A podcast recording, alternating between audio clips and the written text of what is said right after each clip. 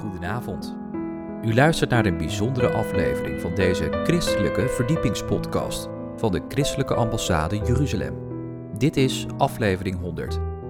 Mijn naam is Joshua Beukers en samen met Bijbelleraar Jacob Keegstra hebben wij voor deze speciale uitzending een bijzonder onderwerp gekozen. Hoe lees ik de Bijbel vanuit Hebreeuwse context?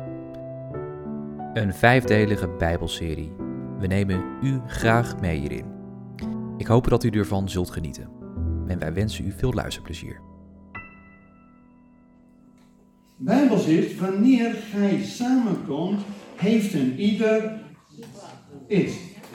En weet je mooi, in Israël, die lezen ieder week een deel van de Torah.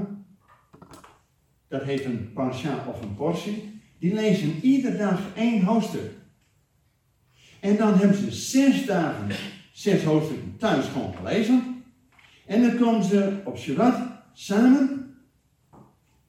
En dan is het, waar heeft God jou bij bepaald bij hoofdstuk 1?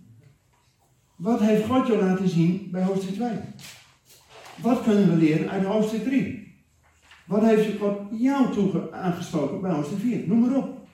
Dus dan deel je, dan ga je niet verder, dan heb je juist een samenkomst. En dat is wat meer dan 100 individuen die toevallig in dezelfde ruimte zitten. Samenkomen wil ook zeggen dat je samen deelt. En dat is dus een heel andere manier van Bijbel lezen dan wat wij gewend zijn. Trouwens, de Bijbel lezen, dat kon lang niet iedereen vroeger. Wij hebben het voorrecht dat we allemaal een Bijbel hebben. Tenminste wel twee of drie, eh, neem ik aan van u. En dat we het nog kunnen lezen ook, in je eigen taal. Jongens, dat is een voorrecht. Bij de eerste gemeentes hadden niet allemaal een Bijbel. Trouwens, het Nieuwe Testament bestond nog niet eens. Maar die perkamentrollen van de Tenach, eerste grond, Oude Testament, ja, die hadden ze alleen in de synagoge en in een tempel en ja, lang niet iedereen. En lang niet iedereen kon lezen.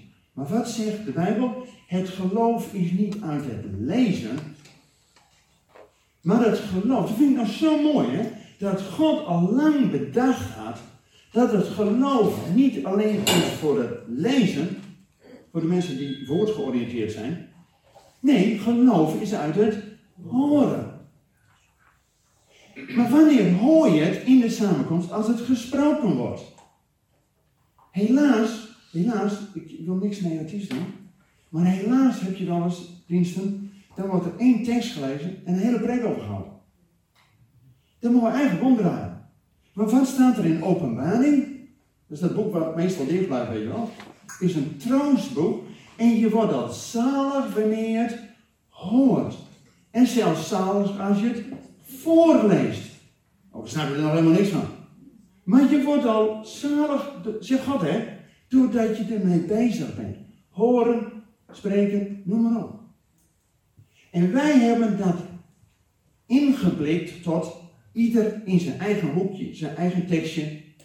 Maar het is juist om te delen met een ander. En het, Paulus zegt al, wanneer je het woord predikt, bouwt dat in de eerste plaats jezelf op. En zo als u iets hebt meegemaakt waar u vol van bent, dan wilt u delen. Ook al snapt je ander ook allemaal nog niet en is nog een beetje, oké, we willen wel even naar luisteren. Maar het is voor jou dat je het verwerkt. Ik ben al jaren docent. En ik heb pas de tekst echt geleerd dat ik moet overdragen. Doordat ik het al drie jaar heb uitgelegd aan een ander. Dan begint het in ieder geval voor mezelf een keer te dalen. Ik had het als student ook al eens gelezen. En ook als je als student theologie een bijbelgedeelte leest, prima, neem je tot je. Maar als je er erover gaat spreken, dan hoor je jezelf praten. En dan denk je, ja, ik praat daar en daar mooi met een boog omheen. Ik snap het nog niet helemaal. Dus moet je weer terug naar de tekst, dat je denkt van, hé, hey, hoe zit het nou even? Of als je een mooi verhaal hebt en iemand prikt daar doorheen en zegt, hoe zit dat dan? Oh, ja. Dus je leert pas doordat je er zelf met een ander over spreekt. Niet voor niks dat ook Jezus zijn discipelen twee aan twee uitzond. Want dan praat je met elkaar erover. En één is beter in dit, de ander beter in dat, maar samen kom je een stuk verder. U weet, een paard die voor een kar staat. Eén paard kan duizend kilo op die kar trekken. Weet u hoeveel twee paarden samen kunnen trekken? Nou, u verwacht natuurlijk al 1 plus 1 is 3. Nee. 10. Dus twee paarden, kijk, die kar moet eerst op gang. Als je één keer draait, dan lukt het allemaal wel. Dan heb je maar een, bij wijze van een half nodig qua kracht. Maar om eerst in gang te zetten, een stuit en die geeft net dat zetje, en samen kunnen ze bijna tien keer zoveel als een ander. Dat is ongelooflijk. Dus juist doordat je samen bent en erover praat, gaat het bij jou landen. Nou, ook hoe lees je de Bijbel? Kijk, onze Heer Jezus Christus. Die ging op paaszondag, de opstandingsdag. Dat voor ons de meest cruciale dag, hè? de omwenteling van alles. Die ging tot twee keer toe, eerst aan die Emmausgangers en dan aan zijn elf bange discipelen. Wat zei Jezus toen hij in het midden was? O ongelooflijk dagen van haar, dat gij niet alles gelooft wat in wet, profeten en geschriften staat, dat de Messias moest lijden om tot zijn heerlijkheid in te gaan. En als hij dat twee keer zegt, alles wat er twee keer in Gods woord staat, dan wordt het tijd dat wij het in één keer opnemen. Dus Jezus, wat was zijn beeld van de schriften? Wet, profeet en geschriften. Dat was waar hij in opgevoed was. En die zei met paaszondag niet van nou jongens, dat is afgelopen. Je moet het nou op een andere manier lezen. Nee, hij verwees gewoon naar wet, profeten en geschriften. Kijk eens op dat mooie blaadje, of wilt u kijken op dat blaadje wat we hebben uitgedeeld. Jezus hield gewoon de Joodse indeling aan die al eeuwen bekend was in zijn tijd. Dat is die rechterkolom. De Joodse indeling van de Bijbel, dat wil zeggen eerst het Oude Testament, ik noem het Oude Testament, maar het is niet oud, het is geen testament. Het is gewoon het eerste verbond.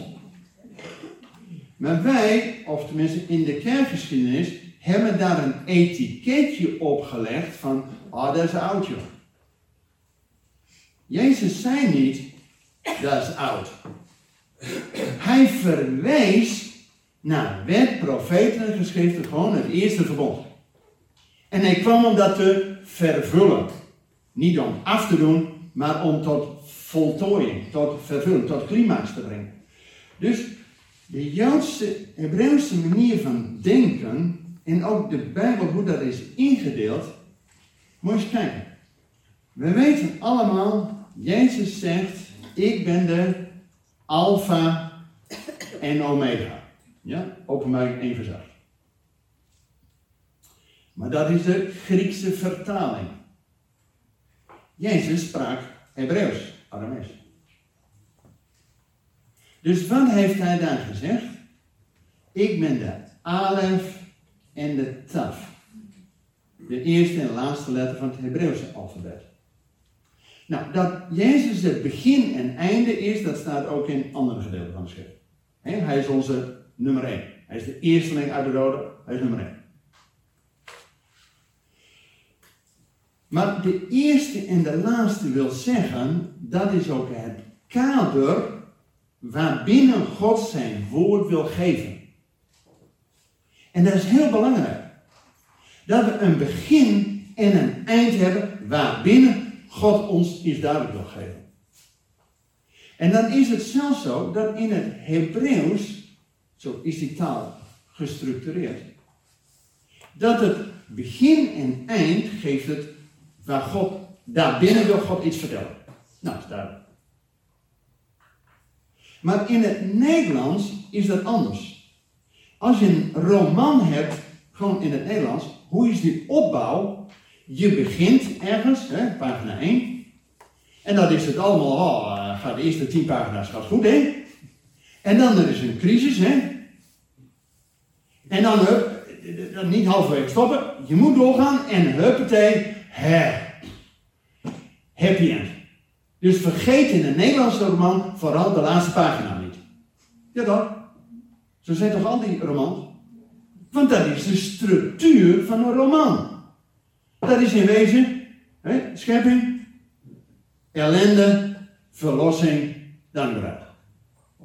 Hetzelfde idee. Zo is ook in de theologie heel veel opgebouwd. Ellende, verlossing, dankbaar. Sommigen zijn ook nog, zoals ik, met de catechismus opgevoed. Die hebben die indeling. En zo is ook de Bijbel op de christelijke manier ingedeeld. Dat het historisch is. Gewoon van begin tot eind.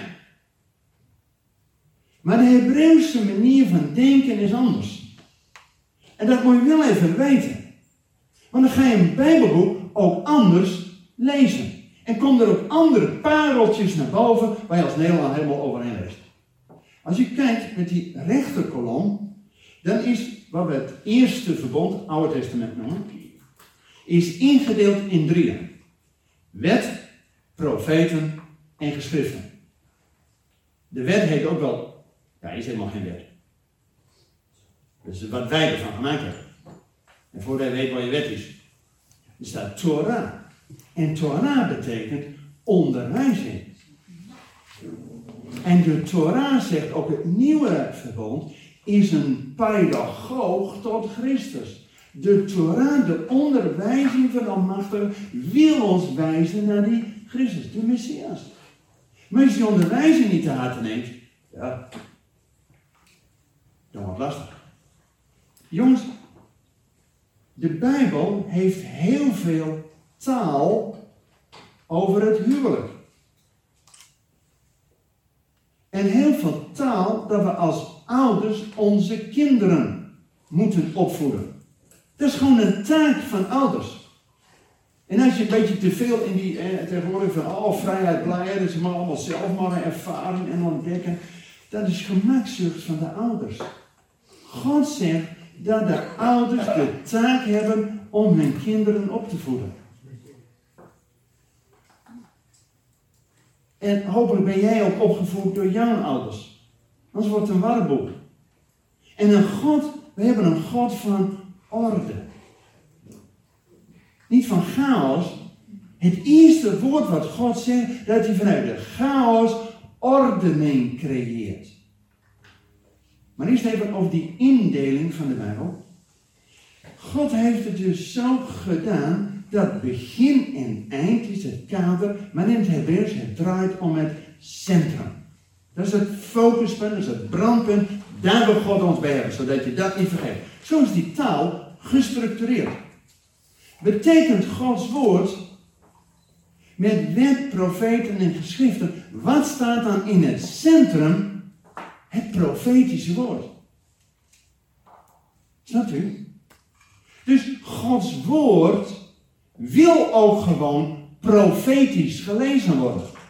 En dat is niet alleen voor de verre toekomst, dat is God die vanaf het begin het einde ons al bekend maakt. De toekomst komt profetisch, wordt geopenbaard in het heden. Zodat wij niet maar een beetje, oh ik weet ook niet welke kant ik op moet. Nee, God heeft een doel.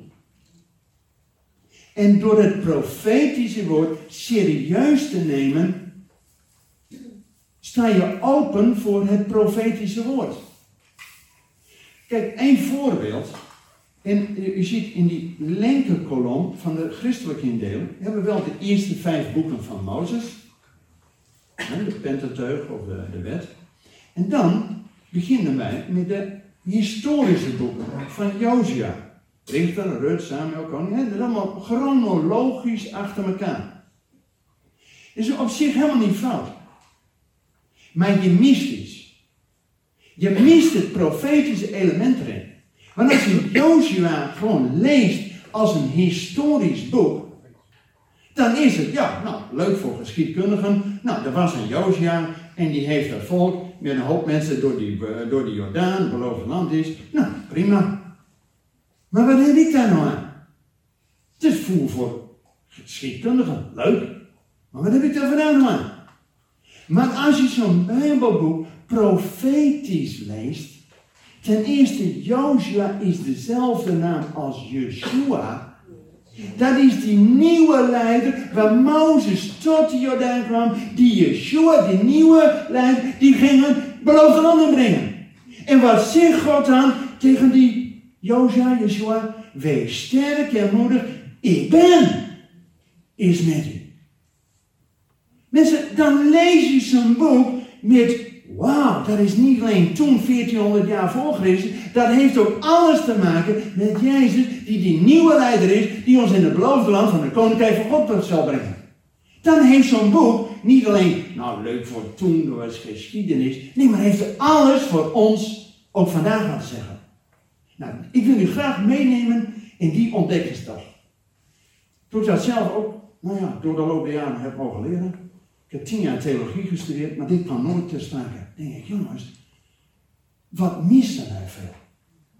Ik wil graag u daar gewoon deelgenoot van maken. Gewoon om er een glimpje van te krijgen, zodat, wat, tuurlijk, je mag ook Jozef historisch hebben. Het is goed om ook feiten te hebben. Dat er gewoon historisch een Jozef was, dat het niet een of ander mytheverhaal is en dat we geloven op basis van sprookjes. Nee, er is een historische Josia geweest en historisch, met die zoveel duizend mensen, is hij door de Jordaan geweest en heeft beloofd land ingenomen. Dat is historisch een feit. Maar er is meer dan alleen maar geschiedenis. Nou, en dat gaat open als je met Hebreeuwse oren luistert naar de tekst. Nou, we willen ons beperken dat we vandaag vooral inzoomen op die eerste vijf boeken. Die kunnen we niet allemaal lezen, maar gewoon even wat highlights, zodat je er thuis verder mee aan de slag kunt. Die eerste vijf boeken is een handreiking van God. En waar begint de Bijbel mee? U kent die vijf boeken, hè? Genesis. U kent ze allemaal. Oké. Maar dat staat er niet. Er staat, ja maar goed, dan moet je natuurlijk iets van het Hebreeuws kennen. Jongens, we zijn blij met vertalingen, hè? want anders zou niemand dat thuis ook even kunnen lezen. Maar er staat in het Hebreeuws Genesis en Exodus en Leviticus en Numeri en Deuteronomie. Met andere woorden, het is één onderwijzing. Wel vijf onderdelen, maar het is één handreiking van de Almachtige. Sterker nog, het zijn vier plus één. Want Deuteronomium, dat is een vreemde naam, maar dat betekent dus Latijns voor tweede wet. Deuteronomos.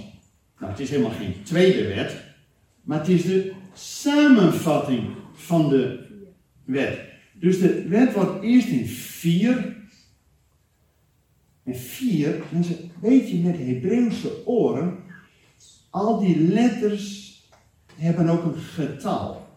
Dus in het Hebreeuws is het anders dan in Nederland. In Nederland hebben we cijfers en letters. Dus ABC is wat anders dan 1, 2, 3. Dat hebben we van de Arabieren overgenomen. Want ons Romeinse schrift kun je moeilijk hogere wiskunde mee bedrijven. Want dan heb je 1 en V en X en L en M en C. Weet je wel, dat zie je ook zo bij oude gebouwen. Hè? 1899, nou dat is onmogelijk om dat te ontcijferen. Dus daar kun je heel moeilijk mee rekenen. Dus wij hebben van de Arabieren overgenomen het verschil tussen cijfers en letters. Maar in het Hebreeuws is gewoon, de cijfers hebben ook een getalswaarde. En dat zijn wij kwijtgeraakt, maar in het Hebreeuws hoort het bij elkaar. En als je daar iets van snapt, kijk, dan is dus het Bijbelse ABC, Alef, Bet, Gimel, Dalet, He, is de vierde letter, de D, de Dalet, is de deur. Hé, hey, wat opent de deur? Wie is de deur? Tot de Vader. Jezus is de deur tot de Vader. En die heeft alles met het getal 4 te maken. Zal ik u uitleggen? Nou, we gaan ons eerst concentreren op die 4 plus 1. De vijf boeken van de Torah. Die hebben een begin en een eind. Was het eerste woord van de Bijbel. Kent u allemaal. In de begin. Dat moet je nagaan. In de beginnen. Zie je? Wat ik net zei. Dan ga je de Bijbel alleen historisch lezen. Van er is een begin. In de beginnen. Niets fout mee, hè? Maar dat is niet alles. Want het woord in het Hebreeuws is bereshit. Nou, dat kun je vertalen met in de beginnen. Maar dat kun je ook vertalen, want het Hebreeuws is vaak rijker dan wat wij in het Nederlands met één woord vertalen. In het Hebreeuws kun je dat ook vertalen met in beginsel. Dus niet alleen in beginnen, als tijd, maar ook in beginsel. Dus hier worden ook de beginselen, de principes van God uitgelegd. De Latijnse tekst, die eeuwenlang in de kerk gebruikelijk was, de Vulgaat, zegt dat ook. In principio, dat God de hemel en de aarde. Dus de principes van God. Met andere woorden, Genesis is het boek van de beginselen. De principes waar de rest van de Bijbel op voortbouwt. En het mooie is dat God aan het eind van de Bijbel niet iets anders zegt dan aan het begin. Zo'n God hebben we nou. Wat hij zegt. Want, je eens kijken. Als we een oefening zouden doen. Ik zou um, Bert hier vooraan iets influisteren. Zeg maar, um, Jantje heeft zijn knie uh. En dat geef je door. Nou, daar, Jantje is al drie keer overleden, begraven en de hele weg. Maar we dikken allemaal weer aan, hè? Je moet allemaal vooral nog weer mooier maken. Kent u dat? Dus, en is het mooie van God, wat hij zegt in het begin, daar bouwt hij op voort. Het is wel heel, jongens, dit is zo'n uniek boek, hè? Hoeveel schrijvers hebben hier onder leiding van Gods geest aan geschreven? Het is dus niet als een blok uit de hemel komen vallen.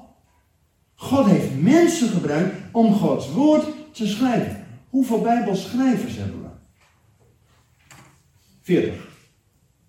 Mozes heeft er al vijf. Nou, dat gaat hard. Uh, Jeremia heeft er ook twee.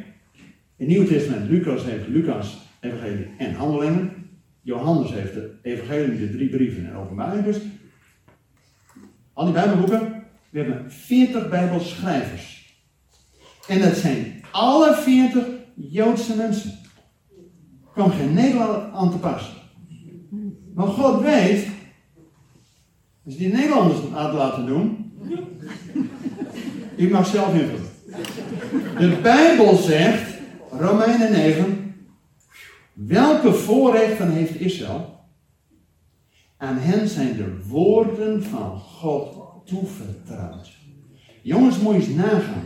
Deze Bijbel is vanaf Mozes, dus 3.500 jaar lang, overgeschreven, overgeschreven, overgeschreven, overgeschreven en geen fout erin.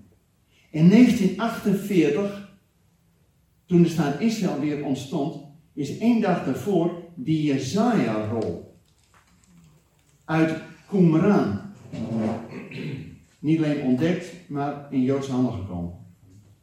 En die Jezaja-rol, is toch een van de, de grote profeten, hè, die Jezaja-rol. Die is 99,99% exact hetzelfde als wat wij hebben. Jongens, God heeft de woorden van hem aan Israël toevertrouwd. Tuurlijk, ze hebben ook commentaar. Van twee Joden, drie uh. Maar de tekst is heilig. Wat is wat God heeft gezegd? Goed. En dus dat 40 verschillende mensen in 1400 jaar tijd, dus vanaf Mozes tot aan Johannes op Patmos, 1400 jaar, 40 mensen, en toch is het één woord. Nou, ga dat eens doen met 40 schrijvers die één boek willen schrijven, over 1400 jaar verdeeld. Volgens mij heeft een drukker heel veel moeite om dat tot eenheid te maken. Nou, dit, woord is één. En waarom is het woord van God één? Omdat God één is. We zouden het willen hebben over het thema Gods woord is één. Dat kan alleen omdat het woord van God iets van Gods karakter laat zien. En wat is de beleidenis van Israël? Hoor Israël, hoor weer hè, niet lees Israël. Er staat hoor Israël. De Heer is God, de Heer is één. En omdat God één is, wil hij ook van ons, als beelddragers van hem, dat wij één zijn. Maar als we dit geloven, iets anders bedenken, weer iets anders zeggen, nog weer iets anders voelen en nog weer iets anders doen, zijn we rijp voor pastoraat. Dan zijn we dubbel schizofreen.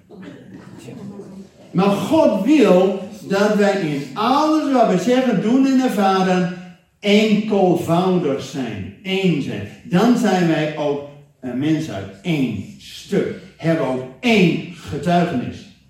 Maar jongens, kinderen prikken daar feilloos doorheen, hè? Wat je zegt, als dat niet klopt met wat je doet, forget. Wat is de reactie van Israël toen ze de woorden van God op Sinaï krijgen? Wij zullen dit doen. En daarna horen. Want als je het gaat doen en je bent onderweg, dan denk je, oeh, wat is de volgende stap? Laat ik eventjes in het boekje kijken. En horen wat God de volgende stap is. En dan zegt God, ik sta achter jou en geef je aan wat de volgende stap moet zijn. Nou, dus het eerste woord, we schieten al op, hè? We schieten al het eerste woord af. Dat is dus in de beginnen, is niet alleen historisch, maar vooral van principes. We zullen zo een aantal principes alleen al uit Genesis hebben. Wat is het eerste principe? Dat God de schepper is. Jongens, dat is zo fundamenteel. Want wat wordt iedere keer in al onze toestanden tegenwoordig, maar al die andere godsdiensten, dan wordt de zon aanbeden, dan wordt de maan aanbeden, dan wordt een andere persoon als een idool aanbeden, en zomaar is de portemonnee de afgod. Noem het maar op. God zegt, het eerste principe is, in het begin schiep God. Niet wij, God. En er staat een woord, Bereshit bara Elohim, dat woord bara, wij kunnen als mensen ook wel wat creatiefs maken.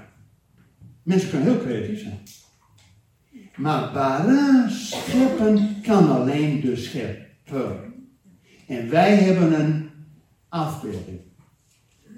Maar zoals God ook Mozes op de Sinai het oorspronkelijke beeld van het tabernakel liet zien, zo moest Mozes een afbeelding maken van het tabernakel. Precies naar het oorspronkelijke ideaal. Dus alles wat we doen is een, slechts een afbeelding. Maar God is één en ons ideaal, om zo te zeggen. Maar de Bijbel zegt heel duidelijk, 1 Johannes 5 staat, er zijn drie getuigen in de hemel, Vader, Zoon en Geest, en die zijn één. Amen. Anders zou het niet een overeenstemming zijn. Horen is al, de Heer is God, de Heer is één. Wel in drievoud Vader, Zoon en Geest, maar die zijn één. Daarom kan Jezus ook zeggen, ik doe niets dan wat de Vader doet. Ik en de Vader zijn. Dat, jongens, dat is zo fundamenteel, hè? Dat Jezus niks doet dan wat hij zijn Vader ziet doen. En de Geest doet ook alleen iets wat de Vader en Jezus daartoe de Geest heeft uitgezonden. Anders doet hij wat anders. Nee, die zijn één. En er zijn drie getuigen op de aarde: de geest, het water en het bloed. En deze drie zijn tot één. Het is een maar omdat God één is, wil hij ook dat alles op de aarde ook die eenheid symboliseert. Nou, en Gods woord is één, Niet alleen Oude Testament, Nieuwe Testament, maar ook in het Oude Testament wel drie onderdelen: wet, profeten en geschriften, maar die drie zijn één. En we gaan vandaag eerst alleen die Torah. Volgende keer hoop ik het over het profetische deel te hebben en dan over de geschriften. Dus uh, ik hoop dat hij volgende keer terugkomt. Ja. Dus we gaan het eerst hebben over die vijf boeken. En het eerste woord, Bereshit, jongens, het allereerste lettertje van de Bijbel is een B. Bed, betekent huis. Dus het allereerste, voordat God ook nog maar iets gezegd heeft. Dat is pas in vers 4. Gaat God iets zeggen. God gaat iets, iets doen. Zo. De eerste letter van de Bijbel is een huisbed. Het gaat God om relatie. God gaat een huis maken zodat wij er als mensen in kunnen wonen. En wat is het slot van de Bijbel? Openbaring 22. God komt onder ons wonen. Jongens, de hele Bijbel gaat om een relatie. Niet om een religie. Dan heb je iets uit de schepping tot God verheven. God is een God van relatie. En het eerste lettertje is al dat God een huis bouwt om in te wonen. Wat is van die Torah, die eerste vijf boeken? Het eerste woord is Bereshit, eerste letter is een B van huis. Wat is het laatste woord van de Torah? Is Israël. Gaan we zo weer. Dus als je weer verder gaat lezen, weer opnieuw de Bijbel, dan draait het om Israël. Jongens, dat is theologisch zo belangrijk dat het allemaal bij God niet zomaar om ons draait. God heeft zijn volk Israël uitgekozen om tot een zegen te zijn voor de volkeren. En wat zegt het Nieuwe Testament? Romeinen 15, vers 17. Wij hebben alle zegen via Israël ontvangen.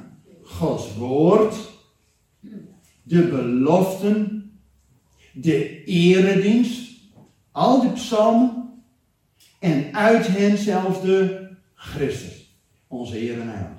Maar wij pikken alleen, zeg maar, Jezus eruit en de rest, nou ja, leuk. Maar al die zegeningen, zegt de Bijbel, zeg ik niet, hebben via Israël ontvangen. God heeft Israël aangesteld om tot zegen te zijn voor de volkeren. Maar die laatste letter van Israël is de L, de Lamed. Nou, als je het kader van die eerste vijf boeken, begin en eind, de eerste letter en de laatste letter, vormen samen het woord L en B, L en ook V, is het woord lef. Jongens, het gaat God om ons hart.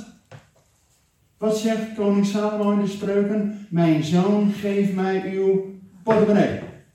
Nee, Salomo was rijk genoeg. Hij had Jan portemonnee echt niet nodig. Jongens, van God is al het zilver en goud, hè. God heeft ons geld niet nodig. Maar we mogen iets geven. En God is zelfs goed. Bedankt voor het luisteren naar deze verdiepingspodcast van de ICEJ. Waardeert u onze podcast? Steun ons dan met een donatie of ga naar onze website icej.nl. Volgende week gaan wij verder met deze Bijbelstudie. Hoe lees ik de Bijbel vanuit Hebreeuwse context? Ik hoop dan dat u wederom naar ons gaat luisteren. Hartelijk bedankt voor het luisteren en tot volgende week.